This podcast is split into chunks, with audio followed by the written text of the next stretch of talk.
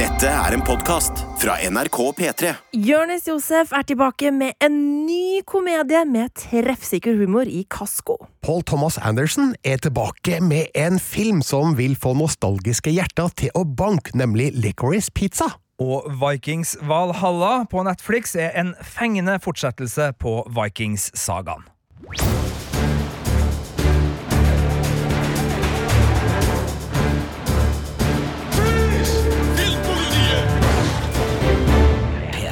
Ja da, Filmpolitiet er her for å guide deg gjennom jungelen av nye filmer og serier, representert ved tre interessante titler som nå er aktuelle. Her i studio sitter Birger Vestmo. Marte Hedenstad. Og Sigurd Vik. Og Marte, det er du som skal i ilden først. Du skal nemlig fortelle oss om Kasko. Ja, fordi på lørdag så er det premiere på dette nye komidramaet på TV2 Play. Fuck! Det er personlig konkurs, Asbjørn. Skylder du 600 000? Så du kan bli sendt rett til jaileren. Så du vil ha jobb? Ja. Forsikringsavdelingen trenger sårt minoriteter. Ciao, Hervo. Salamu alaikum. Shalom. Etnisitetsbalanse. Det er én ting som er jævlig viktig her. At du ikke fucker det her opp nå. Nyeste bidraget til utrederavdelingen. Er flere venner enn deg, din feite faen. Jeg veier 25 kilo. Du er på pikken, eller? Det er et kompliment. Det var altså litt lyd fra Kasko, og ja, hva kan du fortelle om denne serien? Hva, hva er utgangspunktet her? Eh, utgangspunktet det er en idé av Jonis Josef, som jo er eh, kjent her fra kanalen P3 i eh, podkasten og programmet Dynga. Eh, men han har nå laga eh, altså en ny serie for TV2. Han har jo tidligere laga eh, TV-serie for NRK også, Kongen av Gulset. Nå har han da gått sammen med eh, serieskaper Mikael Samuelsen eh, og skrevet eh, en eh, humorserie som tar for seg ganske mye forskjellig. Den tar både for seg den derre eh, tida som kanskje ikke alle har vært i, men som nok noen har vært i, hvor du skjønner at hva faen er det jeg driver på med i livet mitt? Jeg har ikke kontroll at all, eh, fordi jeg er bare opptatt av å feste og ha det gøy og hele den smella der, men nå må jeg ta meg sammen. Den fasen av livet. det handler om å finne seg sjøl. Den handler også om eh, hverdagsrasisme eh, og en litt mer sånn faktisk eksistensiell litt sånn eh, dyp greie om eh, hva er det egentlig vi bruker livene våre til? Hva er det på en måte som er greia med den derre eh, 9-4-jobben og den boksen som vi presser oss sjøl inn i? Og disse store spørsmålene er da satt på et bakteppe av norsk forsikringsbransje, hvis jeg har skjønt det riktig? Det er helt riktig. Jeg kan jo bare sette settinga for hva det her handler om. Eh, Jonis Josef spiller da Jamal, som eh, er en eh, fyr som er drekker seg drita hver eneste dag. Gjerne tar en stripe eller to utpå kveldinga, og lever det glade liv. Men han har òg en postkasse som bokstavelig talt, bokstavelig talt skriker etter å bli åpna, noe Jamal ikke er så veldig glad i, fordi han har regningsskrekk. Eh, og det er jo fordi at han har jo ikke noe jobb. Eh, Han har forsøkt å liksom bli DJ uten særlig hell, eh, og regningene tikker inn, men eh, det gjør ikke penga. Så han går personlig konkurs og skjønner at eh, nå må han ta seg sammen. Eh, og få gjennom broren sin da, eh, en jobb i forsikringsbransjen.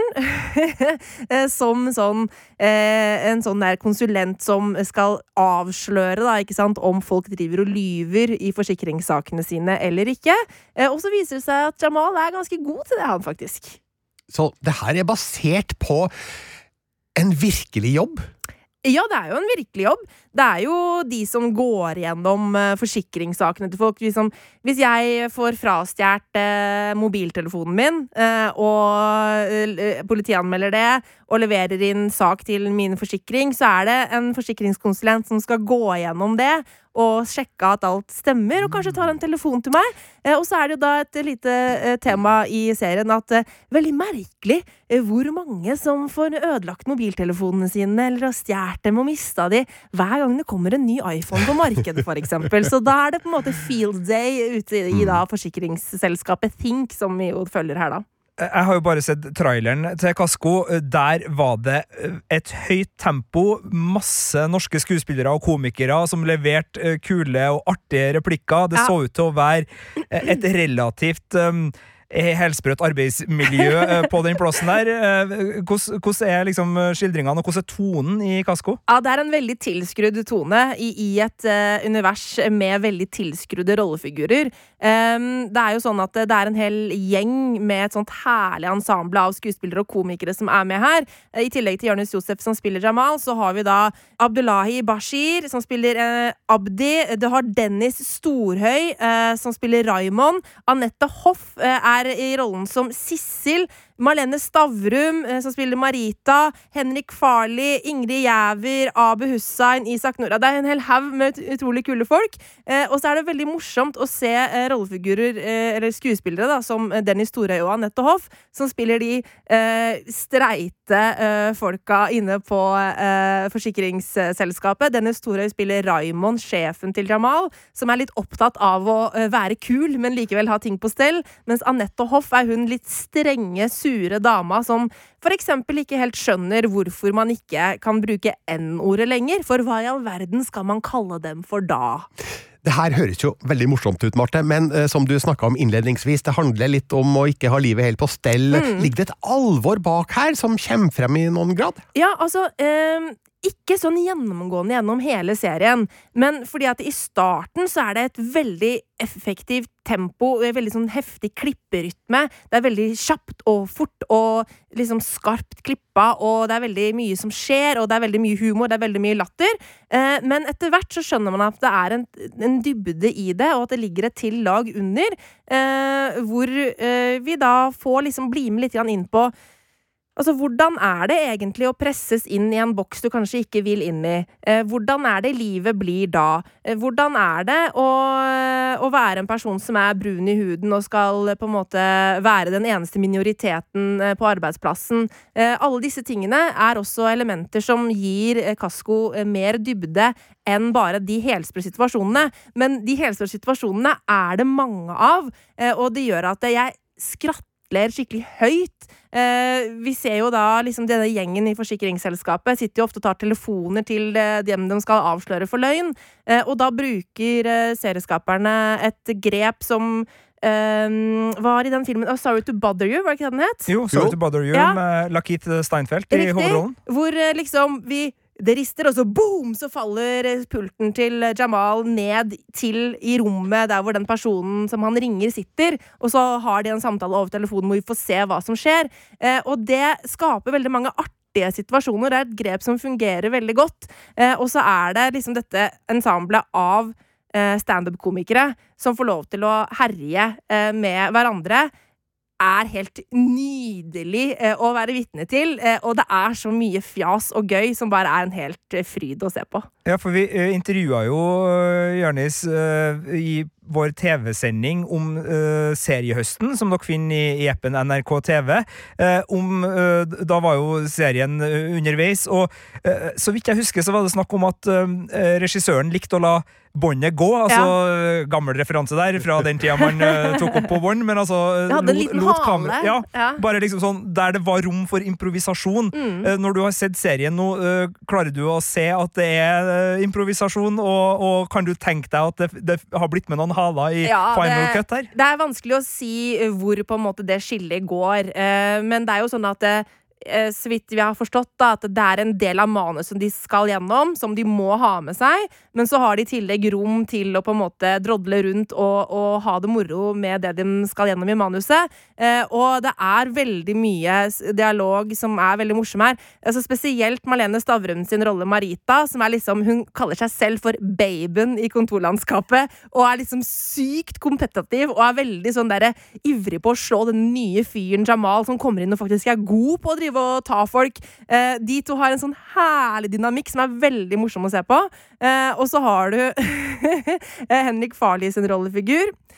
Som er bare så, eh, Christian heter han, eh, og han er jo da en veldig spesiell, muligens incel-aktig kar, eh, som de altså, kollegaene hans omtaler som en Jeg tror de sier noe sånt som en skoleskyting waiting to happen. Det er ganske drøyt, drøy humor, men han er helt fantastisk morsom.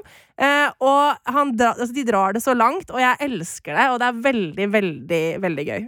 Hvem vil du si at uh, Kasko passer for? Hvem er den tiltenkte målgruppa her? Ja, det syns jeg er litt sånn vanskelig å svare på, for det, jeg føler at den, den slår ganske bredt ned. Uh, jeg tror den er for alle som Ok, på ta det her i studio. En mest for Birger eller mest for meg? Ja, mest for deg, kanskje. Fordi du, men For jeg er barnslig. ja, Nei, altså, du har kanskje enda større sansen for en Birger for sånn veldig tilskrudd humor. Eh, for det er veldig tilskudd her, og det er jo sikkert sånn at det er en del som vil synes at det her er over the top og for fjasete. Tror jeg nok kanskje det vil være. Men eh, for deg som liker den type humor, eh, så slår det skikkelig godt an, altså. Ja, men jeg elsker også Sorry to Bother You og Top Secret. Det er verdens morsomste film. Ja, ikke sant? Det er jo tilskrudd humor på sitt mest tilskrudde, for den som har sett eh, den. Så jeg tror jaggu at jeg òg skal gi Kasko en sjanse. Ja, det er veldig bra. Ja, For du eh, liker åpenbart eh, det her veldig godt, men hvor godt? Jeg liker det til en sterk femmer på terningen. Oi, oi, oi. Ja, og det her kan man se hvor og når gjenta det. TV2 Play og TV2 da, fra og med lørdag 26. februar. Nydelig! Da har vi skrevet Kasko på lista over serier som må ses, og her skal jeg komme med en film dere kan sette på lista over filmer som må ses, nemlig Licorice Pizza, som er Paul Thomas Andersons nye film. Premiere fredag 25. februar. So how'd you become such a hotshot actor? I'm a showman. It's my calling. I don't know how to do anything else. It's what I'm meant to do. I mean, ever since I was a kid, I've been a song and dance man. Come man. on. Ever since you were a kid. Song and dance man. Where are your parents? My mom works for me. Oh, of course she does. Yes, she does That in my makes public sense. relations company. In your public relations company? Because you have that. Yes. And you're an actor. Yes. And you're a secret agent too. Well, no, I'm not a secret agent. That's funny. Her hørte dere Alana Haim og Cooper Hoffman som spiller hovedrollene i Licorice Pizza, den nye filmen fra Paul Thomas Anderson, som jeg sa, og han er jo en regissør det stilles enorme forventninger til hver gang han kommer med en ny film. Altså, Jeg sjekka ut filmografien hans, det her er hans niende. De første åtte var Hard Eight, Boogie Nights, Magnolia, Punch Drunk Love, There Will Be Blood, The Master, Inherent Vice og Phantom Thread var hans forrige film, som kom i 2017, og han leverer jo på et skyhøyt nivå hver gang, og da er det jo ikke rart at det stilles forventninger når han kommer med noe nytt, og jeg kan da bare konstatere at Licorice Pizza virkelig innfrir til gangs. En litt lysere film fra Mr. Anderson enn det vi kanskje er vant til, og det har vel å gjøre med at vi befinner oss i 1973 eh, i hans hjemby Los Angeles, og um, han, han gjør litt som Tarantino gjorde i Once Upon a Time in Hollywood. Han har laga en sånn god, varm, nostalgisk kjærlighetserklæring til byen sin. Mm, og- det tiåret han, han vokste opp i. Eh, og det er vel kanskje slik at eh, han også er ramma av eh, nostalgisyken som mange av og til får, for det er deilig å se seg tilbake og late som at alt var mye bedre før. Eh, og når man ser denne filmen, så får man inntrykk av at eh, hovedfigurene, i hvert fall, da, står i en mye friere posisjon i livet enn det vi gjør i vår egen samtid, der det er så mange krav til oss, og eh, alle feil vi gjør, får så potensielt store eh, ringvirkninger. Det føles i hvert fall sånn. Eh, så var det sikkert ikke sånn i 1973 heller, da, egentlig, men det ser sånn ut i denne filmen. Eh, det er altså da en film om eh, Alana og Gary, som da, som jeg sa, spilles av Alana Haim og eh, Cooper Hoffman. Alana Haim er jo da en av bandmedlemmene i bandet Haim, som Paul Thomas Anderson har laga flere musikkvideoer for, så disse to kjenner hverandre godt fra før. Mens Cooper Hoffman er da sønn av avdøde Philip Seymour Hoffman. Han slekter virkelig på far sin, eh, kanskje ikke sånn først og fremst av utseende, men han har helt åpenbart noen egenskaper som skuespiller som også far hans hadde, så der er det litt sånn som far så sønn, ikke sant? Eh, De møtes da eh, tilfeldig på en skolefotografering i 1973, der eh, Gary er skoleelev, mens Alana hun er da medhjelper til fotografen. Hun er nemlig 25 år, mens han er 15, og det er jo en betydelig aldersforskjell, som gjør at eh, vennskapet, som da eh, utvikle seg mellom dem. Ikke bli noe mer. Spesielt Alana nøler litt her, fordi det er jo da ti år mellom dem, og hun synes jo det er litt rart å henge med en 15-åring og um, hans kamerater. Og så må jeg innrømme at nå vet ikke jeg hvor gammel Cooper Hoffman er, men han, han ser ikke 15 år ut, altså. Han. Kun passert som 17, kanskje, men jeg vet ikke helt hvorfor Paul Thomas Anderson har valgt å la det være ti år mellom dem. Det er sikkert en god grunn til det, men uh, det er vel for å understreke at det er litt merkelig for Alana å få dette nære vennskapet til eh, Gary. Men, men er det, det er ikke noe problem sånn opplevelsesmessig at du ikke kjøper at han er 15, og at det liksom røsker litt i fiksjonstroverdigheten, eller går det Hvordan er det? Det røsker bitte litt, det gjør det. Jeg tenker over det at eh, er ikke det her litt rart at han skal forestille å være 15, og så virker han jo mer moden og voksen enn som så, men, eh, men jeg kjøper det fordi alt annet i filmen heller jo en så skyhøy kvalitet, og det er en sånn fortellerglede her, og en fantastisk tidskoloritt som gjør at jeg suges inn i det her universet og vil bare bli der. Eh, Nå er det slik da at Gary har etternavnet Valentine, og han er sånn på tampen, altså helt i sluttfasen av en karriere som barnestjerne.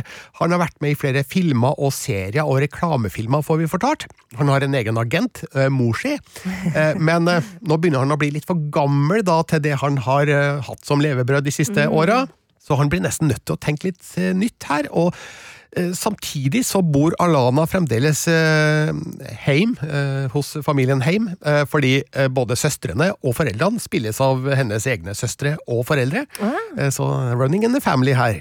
Eh, så hun står litt sånn i stampe og kommer seg ikke helt ut av heimen og får liksom ikke staka ut et voksenliv her. og eh, da passer det, det egentlig ganske godt da, å eh, bli kompis med Gary, og han er nemlig en veldig foretaksom fyr, som bruker da sine veldig utadvendte egenskaper, som han har lært seg da fra barneskuespillerkarrieren, til å eh, prøve ut nye forretningsideer.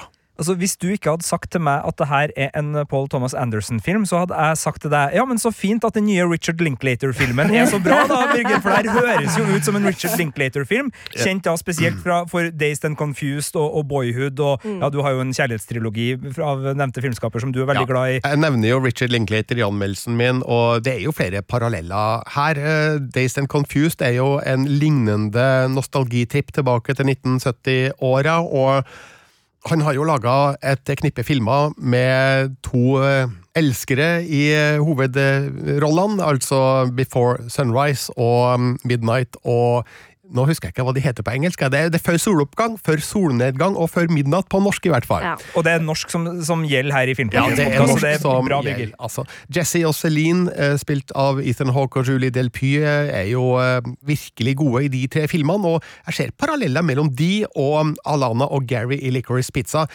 For sjøl om de er venner, så er det jo helt åpenbart for den som ser filmen, at eh, ja, men de må jo bare bli sammen, fordi de har en sånn fantastisk kjemi, men 15 og 25, da. Det, ja, ikke sant? Eh, Det, så man skjønner jo at eh, Alana er litt på nølende front her, mens Garys store ambisjon det er å se puppene hennes. ikke sant, Han er på det nivået. Han er der, ja. Han er 15. Men han er veldig sjarmerende, og eh, litt eldre for sin alder, eh, får en si, da. Eh, og jeg skjønner jo godt at eh, de som er rundt han, blir bare revet med av hans energi og utstråling, og det gjelder jo også Alana. Men så skjer det jo ting underveis som gjør at de stadig drifter litt sånn vekk ifra hverandre, men eh, gang på gang på gang så kommer de tilbake innafor eh, hverandres sfære igjen, eh, via noen ulike omveier. For det handler ikke bare om de to her, det handler jo også om andre sider ved 1973. Noen eh, positive og morsomme, andre litt eh, negative. For eksempel så har de et eh, hysterisk morsomt møte med John Peters, spilt av Bradley Cooper. John Peters er en virkelig figur. Han var mm, eh, kjæresten til Barbara Strayson på 1970-tallet. Han var musikkprodusent. Han ble filmprodusent, en av de mest suksessrike på 1980-tallet, sammen med Peter Guber. Og han var visst litt av en skjørtejeger. Eh, Visstnok så planla John Peters, har jeg lest, en sjølbiografi, men eh, ga opp fordi det som kom til å stå i den sjølbiografien, det hadde ikke vært helt gangbar vare i metoo-æraen. Og man kan jo se tegn til hvorfor da i denne filmen, sånn som Bradley Cooper spiller John Peters, og Jeg skulle likt å vite om eh, Bradley Cooper har fått godkjenning fra John Peters om å gjøre denne rollen, fordi eh, de har samarbeida før. Eh, John Peters står som produsent, en av de, på A Star Is Born, som Bradley Cooper spilte i og regissert. Så den eh, connection der, så, men jeg Oi, vet ikke om John Peters egentlig har vært involvert her. men... eh, han blir skildra på en fargerik måte, som står som en, han står som en representant for de her mannegrisene på 70-tallet, som kanskje hadde litt eh, enklere kår eh, i sin framferd enn de ville hatt i dag. Ikke sant. Men eh, det er en utrolig morsom sekvens han er med i, samtidig som at man sitter der med litt sånn eh, klein følelse i kinosetet. Men, men denne blandinga, for jeg, jeg, jeg har lest anmeldelsen din, og det, det er flere sosiale og samfunnsaspekter som, som er av den uh, sorten som vi er glad uh, at tilhører 70-tallet, og som vi er ferdig med, for det er ikke noe vi ønsker å ta med oss videre her. Når det gjelder nostalgien, da, som, som er liksom uh, søtladen og positiv på en måte, men samtidig har aspekter her, både når det gjelder deres relasjon, men også en del sånn samfunnsting, hvordan gjør det? Altså, er det en nostalgi som, som skifter litt sånn brått, og som gjør at du, du får det litt sånn vondt i mellomgulvet innimellom, eller er det en sømløs overgang her, hvor det gode og det onde på en måte kommer inn eh, i, i samme film på naturlig vis? Nei, jeg vil si at Paul Thomas Anderson gir oss små pirk hele veien, som minner oss på at ikke alt var gyllent i 1973. Først og fremst så er jo det her en nydelig skutt film på 35 millimeter. Den, altså Bildene har en sånn følbar tekstur som du ikke får med digitalt eh, foto. Og så er jo musikkbruken helt eksepsjonell her, eh, som ikke står noe tilbake for hva Tarantino gjør i sine filmer. Han er jo kjent for å ha vanvittige lydspor, men det er også Paul Thomas Anderson flink til, og i Licorice Pizza så er soundtracket fullt av spor fra både den æraen filmen er fra, eh, men også i tiårene før, så her har du et eklektisk valg av mye rart, alt fra Bing Crosby til David Bowie. Eh, og så brukes bilradio mye, akkurat som i Once Upon a Time in Hollywood. Eh, og vi hører jo musikken bli spilt som det kanskje hørtes ut da, når radio-DJs drev på i 1973 for snart 50 år siden. I Once Upon a Time in Hollywood så brukes det visst autentiske opptak fra datida, altså 1969 er det vel i den filmen. Nå vet jeg ikke hva de har gjort i Licorice Pizza, men det høres autentisk ut, altså. Og jeg får i hvert fall godfølelsen i meg når jeg ser bildene og hører hvordan lyden akkompagnerer dem da forbilledlig. Samtidig med alt det her, så får vi altså da noen sånne små drypp hele veien om hvordan det kanskje var å være kvinne i 1973, hvordan det kanskje var å være homofil i 1973, og hvordan man kanskje kunne bli utsatt for eh, politibrutalitet på en eh, annen måte enn man gjør i dag, skjønt ja, det er ikke alt som har forandra seg i USA heller på, på den fronten, så det er ikke en sånn snill tannløs nostalgitripp, eh, det her. Du får noen av skyggesidene også, sånn som Paul Thomas Anderson også eh, hadde med i, i Boogie Nights, som vel er fra litt sånn samme æra, det var kanskje litt senere på 70-tallet det, men den handla jo om pornobransjen i samme område på slutten av 70-tallet. Så eh, Licorice Pizza har også innslag av det. Men det er en veldig lettsett film, det her. Den er, den er deilig, og jeg er en veldig nostalgisk person, og da treffer Licorice Pizza meg midt i hjertet. Det kommer jo et um, Oscarshow uh, om ikke så veldig lenge. Dette er en av filmene som, som uh, det er knytta forventninger til. Du har nå sett den. Hva vil du tenke, hvis du skal tenke litt høyt uh, om Oscarsjanser, og, og eventuelt at den ikke har det? Ja, Den er nominert i tre kategorier. Det er da beste film, beste regi og beste manus. Begge de to sistnevnte er jo da for Paul Thomas Anderson, og nå er han kanskje en av filmens produsenter, og det har jeg glemt å sjekke, så da er han jo valgbar i alle tre. Jeg tror ikke at den kommer til å vinne noe. Eh, ikke fordi at det ikke er en god film, for det er en veldig god film, men fordi at den har litt sterkere utfordrere i alle de kategoriene, og um, når det gjelder beste film, så tenker jeg nå mer og mer på at uh, The Power of the Dog virker som en veldig sterk uh, film, fordi at her er det mange bokser, riktige bokser som kan sjekkes.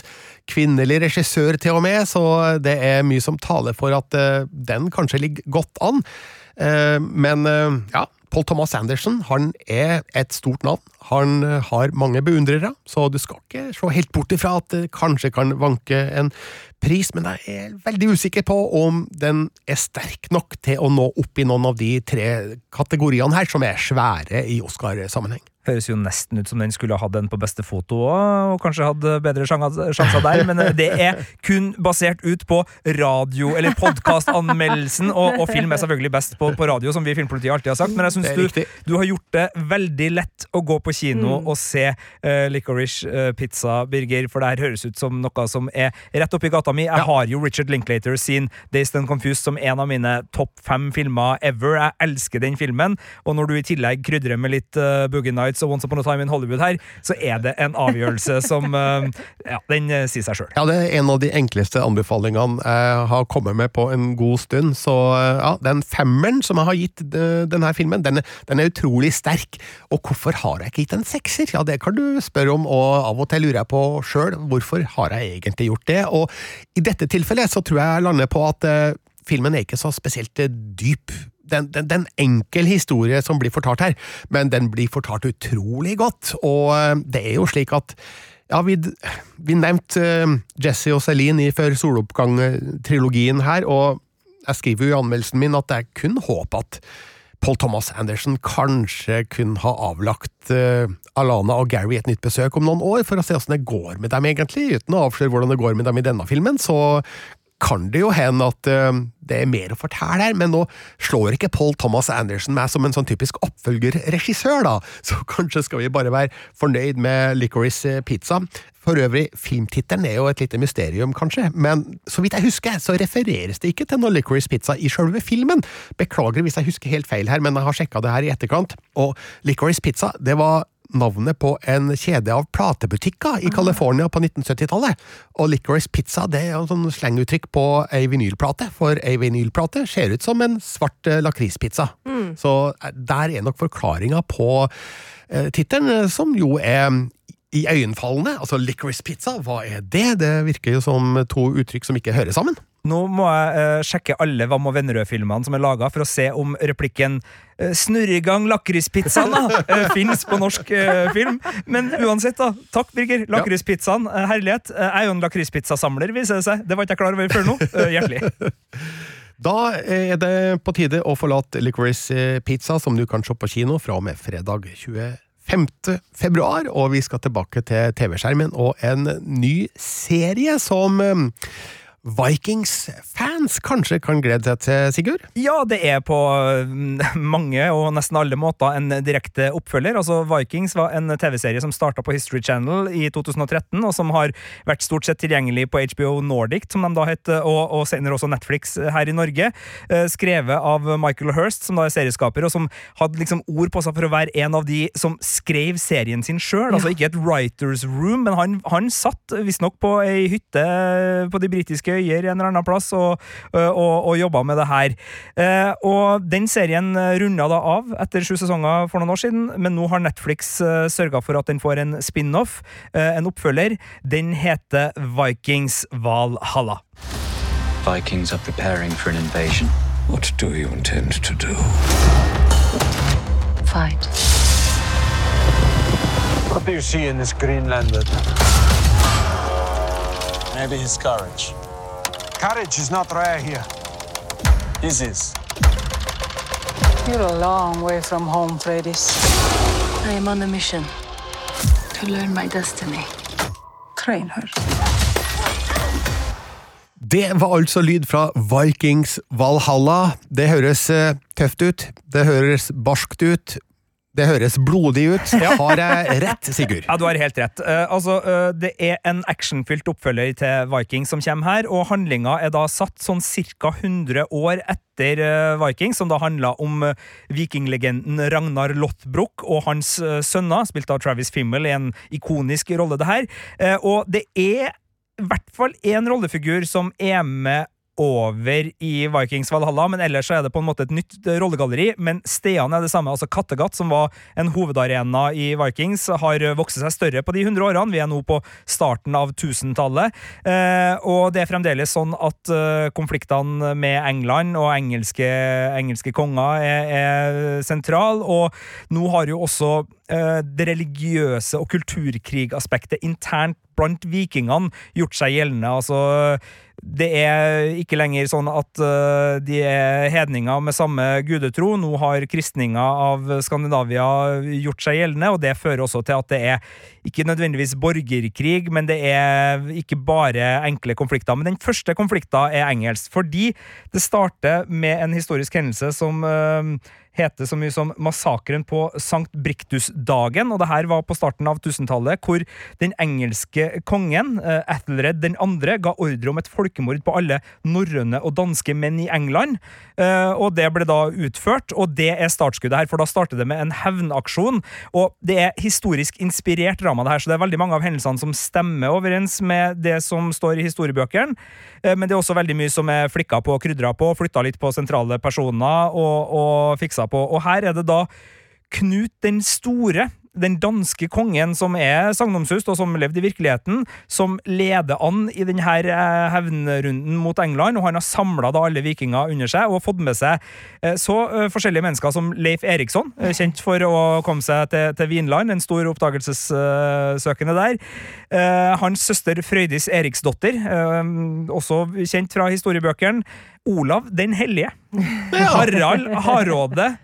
Og ja, det er rett og slett en sånn kjendisfest av eh, navn vi kjenner godt fra både norgeshistorien og, og vikingtida, det her. Og det gjør jo at han må tvinge litt sånne ting eh, sammen, han som er serieskaper her, og, og det er da ikke Michael Hirst lenger, men Jeb Stewart som har tatt over det. Og det vil sikkert forarge en del, men samtidig Vikings har alltid vært en serie som har juksa med de her ingrediensene, og for meg som uh, sofatitter så er det uh, engasjerende og underholdende at uh, disse menneskene uh, klistrer sammen da, på disse oppdragene, samtidig som vi selvfølgelig vet hvem de er, og vi skimter jo at utover Jeg tror det skal bli tre sesonger totalt. Den her første er på åtte episoder, og så skal det rundes av på slaget ved Stamford Bridge i, i 1066, tror jeg, ut fra det jeg har fått vite om liksom, risset av hele serien. Og, og da ser man jo, fordi sjøl om Harald Hårråde egentlig ikke var født da begivenhetene her starter, så vidt jeg har uh, kunnet komme meg fram til, så var han jo der. Og, og Leif Eriksson skal jo sannsynligvis, vil jeg tro, til, til sjøs på et eller annet tidspunkt her. Og Olav den hellige skal vel begynne å, å kristne Norge. Uh, så, så, så man, man, aner jo at ved å putte disse rollefigurene sammen i starten, så får man liksom toppa laget og skapt veldig mye sånn Å, kult! Å, kult! Å, kult! Og så kan det jo hende, da, sjøl om uh, første sesong er ganske opptatt av, av England og, og religiøse konflikter i, i Norge, at, at, det skjer mer utover. Jeg, jeg merker jeg er nysgjerrig på ja, det er en ny historie, det er nye rollefigurer og alt det der, men det er jo en Vikings-serie. Skiller den seg noe, i noe særlig grad fra uh, Vikings? Ja, den gjør det, sjøl om veldig mye er likt både i, i stil og, og, tone, så er det noe som har skjedd. Og øh, det er vel en Netflix, Netflixisering av, av det her universet. Altså, Uh, Førsteserien gikk på History Channel, uh, og sjøl om den dikta, så var den opptatt av grundige miljøskildringer av kulturen som skulle skildres. Den tok seg god tid til å bygge rollefigurene, altså Ragnar Lothbrok og uh, i hvert fall noen av hans sønner i starten der, og Lagerta. altså, serien brukte mye tid på å vise fram hvem de var, hvilke konflikter de hadde i seg, hvorfor de gjorde sånn som de gjorde. Alt det her er polert bort i Vikings Valhalla, hvor både rollegalleriet og handlinga har et tempo og en sånn strømlinjeforma framdrift som er mye mer publikumsvennlig og underholdningsprega og popkornvennlig, om du vil, enn det Vikings var. Selv om Vikings også var det, så tok Vikings seg mye bedre tid og hadde et litt mer sånn Det var litt mer dybde i spesielt miljøskildringene. Uh, her er det mindre tid til det. Det betyr ikke at eksempel uh, religiøs fundamentalisme og religionskrigen uh, Altså, det er rom til ettertanke der, og, de, og den får en aktualitet, syns jeg, serien, av å ta opp de utfordringene, fordi en blodig religionskrig er dessverre ikke noe som tilhører fortiden, og fundamentalisme er heller ikke det. Så, så der har serien litt, men det er lite. Altså, den er først og fremst en, en fartsfylt vikingsaga, det her, og, og det at Netflix har tatt over det jeg, ikke, jeg, jeg, vet ikke nok om produksjonsforholdene til å liksom slå fast det, men det er tydelig at øh, øh, hvis du sammenligner 2013-utgaven med 2022-utgaven, så, så, er det to forskjellige serier. Naturlig nok, budsjettene er større og populariteten har økt, men, men det er også en litt annen vilje bak. Men hva liker du best så langt? Eh, jeg lar meg underholde av det her, samtidig som det er litt såpete, og det er litt forutsigbart, for nå skal liksom alle slagene og alle bedragene de, altså det, Du kan nesten stille klokka di etter det. Mm. Fordi eh, den der 'når skal slaget få ei vending', som er litt sånn taktisk uh, Å, gjør de det? Så smart! Og, altså, så de, de, I Vikings var de også der, men de kom litt mer sånn eh, i rykk og napp. Nå vet du liksom at det kommer de store slagene kommer der og der og der, og da kommer de til å ha sikkert tre eller fire finter i seg. Eh, og så er det sånn at eh, de alliansene der kommer sannsynligvis til å splittes opp, og skal vi se, gir det tre scener, så kommer noen til å bedra hverandre i den flokken der. Altså, det blir litt sånn den, den får en sånn forutsigbarhet som gjør at enkelte episoder oppleves som transportetapper. Fordi du vet at nå har det nettopp skjedd noe stort. eh, nå skal, det, nå skal de bedra hverandre Før det i skjer, to liksom. episoder, Ja, og så skal det komme ja. Mm. Så den, Det er ikke så enkelt som det jeg skisserer her nå, men den har litt den smaken, da, fordi den er så opptatt av uh, det, yt- den ytre spenninga, den ytre handlinga, det, det gjør jo også at rollefigurene er liksom ferdigetablert med en gang de kommer. Leif Eriksen er liksom en sympatisk, stridsdyktig uh, båtfører med superpeiling, men han er ydmyk. Harald Hårråde er sjarmerende, men rettferdig, med glimt i øyet, kvinnetekke, og han kan du stole på. Mm. Olav den hellige er en manipulerende, slu eh, storpolitiker som har bare ett mål for øyet, og det er å bli konge. Altså, sånn, du får liksom ferdigfordøyde rollefigurer, og det, det er jo ikke noe sånn at det her er ukjente mennesker, og at det blir helt feil, men sammenligna med bygginga av Ragnar Lothbrok som rollefigur, så er det her mye fattigere i så måte. Men eh, som en litt sånn såpete actiondramaserie, så har du jo da muligheten til å gå uh, full uh, viking fra, fra første episode. Du trenger ikke å vente på at noe skal etableres, du kan bare gønne på. Jeg ser på rollelista her, eh, Sigurd, at eh, skuespiller Frank Blake spiller figuren Birger, så han er min nye favoritt. Eh, dessverre bare i to episoder. Men ellers så ser jeg jo for meg ukjente navn. Eh, jeg ser da Frida Gustavsson, eh, som spiller Freidis, hun er da svensk. Johannes Hauker Johannesson spiller Olaf Haraldsson, og han er jo islandsk. Og så ser jeg noen flere dansker nedi her, men skal vi være litt sure og bitre over nok en vikingserie uten noe særlig store norske innslag? Ja, Vikings har jo hatt øh, norske innslag øh, før, blant annet Torbjørn Harr, og, og det er jo veldig mye Norge her. altså Vi har fått veldig mye norske rollefigurer, så jeg lurer på om vi skal være øh, sånn storskinn, vi storskinn her, Birger, Altså, si at norske rollefigurer som skildres av svenske og Nei, islandske nei, nei, og Fr- Frøydis er fra Island. Altså, så, Leif Eriksson er ikke men, norsk. Okay, men hvem er det som spiller eh, Olav den hellige, da? Nei, det er jo Johannes Hauker Johannesson, og han er vel kanskje den jeg Skandale! øh, dro mest øh, kjensel på her. Men nei, øh, altså det at Travis Fimmel fikk Ragnar Lothbrok tilbake i sin tid, kan man jo også Men jeg er veldig glad for det. Jeg syns han var en nydelig skuespiller til, til den rollefiguren. Nei da, det, det, det er mye norsk her og, og i, i handling, men Og jeg, og jeg ser ikke bort fra at det dukker opp noen norske skuespillere. Det har det jo gjort i The Last Kingdom, hvor vi har flere som, som bemerker seg. Eh, og, og det har det vært i, i Vikings, og jeg tror vi godt muligens får i Vikings eh, Valhalla. Eh, men det er eh, relativt ukjente skuespillere, sånn hvis man sammenligner med, med Hollywood-stjerner og en del andre Netflix-serier. Men det er dyktige skuespillere som, som sørger for at det her er eh, velfungerende til enhver tid. Det stopper ikke opp hos noen her. Samtidig så er det, i hvert fall på engelsk side, relativt sånn ordinært politisk renkespill, så der er det mindre interessant, sjøl om jeg syns at uh, Uh, Laura uh, Bellin, som da spiller Emma fra Normandie, er en interessant rollefigur, og jeg syns også eh, Søren Pilmark, som spiller eh, faren til Knut den store, altså Sven Folk Folkbeard heter den her. Jeg husker ikke hans eh, norske navn akkurat i farten nå, men han har eh, tjukkskjegg. Sven Tjukkskjegg, ikke det? Jeg tror det er Sven eh, Tjukkskjegg. Eh, han er, også en, en glimrende en, og så må eh, Pollyanna McIntosh, som spiller den danske dronninga, få en liten eh, bukettfest. For, for hvis man skal kåre den beste såpeskuespilleren i det ensemblet her, så er det hun. Hun kommer inn som eh, dronning av Danmark. Eh, eh, med røtter fra Wessex og herje i det britiske rekkespillet. Så, så det er noen, noen godbiter der.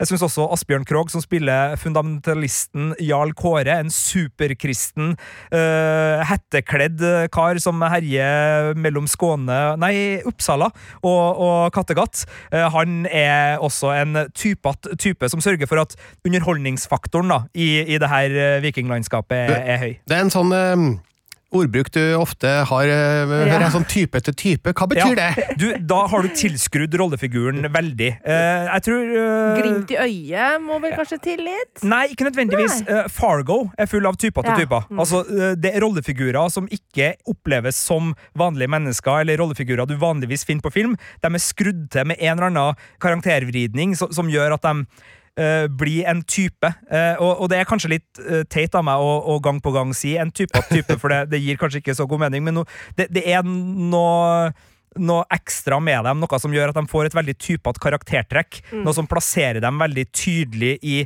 som én bestemt egenskap eller bestemt, et bestemt lynne. Eller, eh, og, og en del serier, fra Twin Peaks via Justified via Fargo, har alltid vært de beste på de eh, rike også, hvis man vil ta en dansk eh, serie, eh, der de som spretter ut av treverket, er umiddelbart fascinerende, fordi at de har et eller annet ved seg som, som du biter deg merke i, og som gjør at de uh, får din fulle og hele oppmerksomhet. Jeg må bare spørre om en uh, siste ting her. Uh, språkgreia. Mm. den gjorde at jeg fikk helt sånn Jeg or orka ikke Vikings i starten fordi jeg ble så irritert på den der tullete språkopplegget deres. Eh, hvordan er det her? Det er mindre av det, fordi i Vikings så var det jo et poeng som de valgte å løse på en litt snedig måte, ved at alle som snakka samme språk, snakka engelsk til hverandre, men når de møttes, og det eksempel da var engelskmenn og vikinger fra Norge, så øh, skjedde det noe med, med språkforståelsen, sånn at øh, da hørte man øh, Det jeg har forstått, er et godt researcha og helt riktig gjengitt øh, øh, gammelt språk, da. Mm. Uh, men her er språkforståelsen Altså, vikingene snakker engelsk fordi, at Fordi de har det har gått de 100 år, og de gått har- 100 ja, år, mm. og, og de har hatt uh, utveksling, så det er mye mindre av det. Det var ganske mye av det en periode i, i Vikings, i, i og med at det var to uh, kalde folkeslag som, som møttes, da, og som ikke hadde møtt hverandre før. Mm. Men, men nå er det ikke noe som jeg syns er noe problematisk. Men snakker de med teit engelsk eh, Altså Hvis man skal gå inn og, og plukke aksenter her, så tror jeg man får eh, altså Det er litt som å be noen om å rydde på rommet sitt etter en eh, litt for lang fest. Altså det, det, der er det mye rart. Altså Ulike skuespillere kommer til bords med ulike aksenter her. Ja. Men det er også litt forklart fordi Kattegat som by, da, som er den byen jeg syns svinger best i den serien her, er jo en handelsby hvor det er veldig mye forskjellige kulturer, og det er øh, reisende fra hele verden som, som, som kommer dit, i hvert fall øh, østover. Og, og, og i Viking så var det jo også mye mot, mot Russland, eller dagens Russland, da, og, og det var Midtøsten. og det at det er en, en liten smeltedigel da, i, i, i Norden der, gjør også at man tåler mye bedre at det er litt øh, Litt spenn i aksenten. Nei da, eh, det- men det er den samme, det er den samme liksom sånn, eh, kilingen og irritasjonen inni hjernen min jeg får når f.eks. for eksempel en liten familie på Vestlandet eh, Ingen snakker dialekten fra bygda de er født i, men alle i familien snakker forskjellig dialekt. Da får jeg sånn Men altså! Er det mulig? Eh, eh, litt sånn fikk jeg av Vikings, med alle i samme familie som kommer fra samme sted, snakker alle, alle engelsk med forskjellig aksent. Da blir jeg litt sånn Dette her orker jeg ikke å se på! Så det, det er noen sånn potensialer for uh, irritasjon her. Det er selvfølgelig eh, aksenter i, i forskjellige valører. Og hvis du er historisk eh, interessert og kan eh, Ja. kongerekka, så vil du sikkert også muligens la deg irritere. Jeg, jeg kan ikke den godt nok til å, å vite, men jeg blir fascinert og jeg blir sånn leksikonnysgjerrig av å finne ut hva som er historisk uh, fakta, og hva som er dikting. Og så har de tatt seg en frihet som jeg ikke bryr meg om i det hele tatt, men Jarl Håkon øh, som jeg tror da må være ladejarlen, egentlig, altså sånn i, i inspirasjonskilde, er da en eh, kvinne som er sjef for eh, Kattegat, og det kunne jeg ikke ha brydd meg mindre, men det, det er mulig at det, at eh, det er en eh, kvinnelig rollefigur som heter Jarl Håkon i Vikings Valhalla, eh, at det også vil eh, skape friksjon hos enkelte seere. Så, så, så der, men det er der, da. Men, men jeg, jeg syns Ta det, for det det er. Vikings Valhalla en underholdende vikingsaga med eh, tydelige Netflix-markører når det gjelder polerte overflater og tilskrudd rollegalleri. Og jeg koser meg med det. Jeg syns ikke det er fantastisk. Eh, Det er en annen film som har premiere nå i, i morgen, som heter Margrethe den første, som riktignok foregår en del hundre år seinere, men som viser uh, hvordan du kan gå i dybden på rollefigurer hvis du ønsker å virkelig vise fram uh, de problemene og de kvalene og, og de, det presset man kan være under. Vikings har ikke noe av det. Uh, så så uh, underholdningsfokusert Netflix-serie, og da blir det jo det blir ikke en femmer på terningen, altså det blir en, en firer på terningen, men altså sterk femmer til Casco, Ja. sterk femmer til Licorice Pizza, Yes. og grei, god underholdningsfirer til Vikings Valhalla. Vi har òg anmeldt andre filmer og serier. Det kan du lese på p3.no filmpolitiet. Få òg med deg vår andre podkast, altså Filmpolitiets Mandalorian spesial, som vi nå har spilt inn siste episode av. Så nå kan du høre rubb og stubb av det, der vi diskuterer hele The Book of Boba Fett. Og så kan du selvfølgelig høre oss på P3 hver søndag fra klokka 12 til klokka 15. Dette var vel lett? Har vi noe mer å legge til? Tja, nei. Nei, nei. Jo, jo, e-post. E-post! Hvis du har lyst til å spørre oss om noe, kom med noe innspill, ris eller ros, whatever, send det til oss på filmpolitiet, alfakrøll, nrk.no. Da er det på tide å signe off, og vi som satt her i studio, det var Birger Vestmo. Marte Hedenstad. Og Sigurd Vik.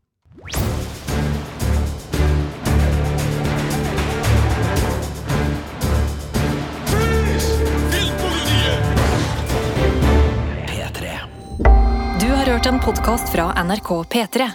De nyeste episodene og din favorittkanal hører du i appen NRK Radio.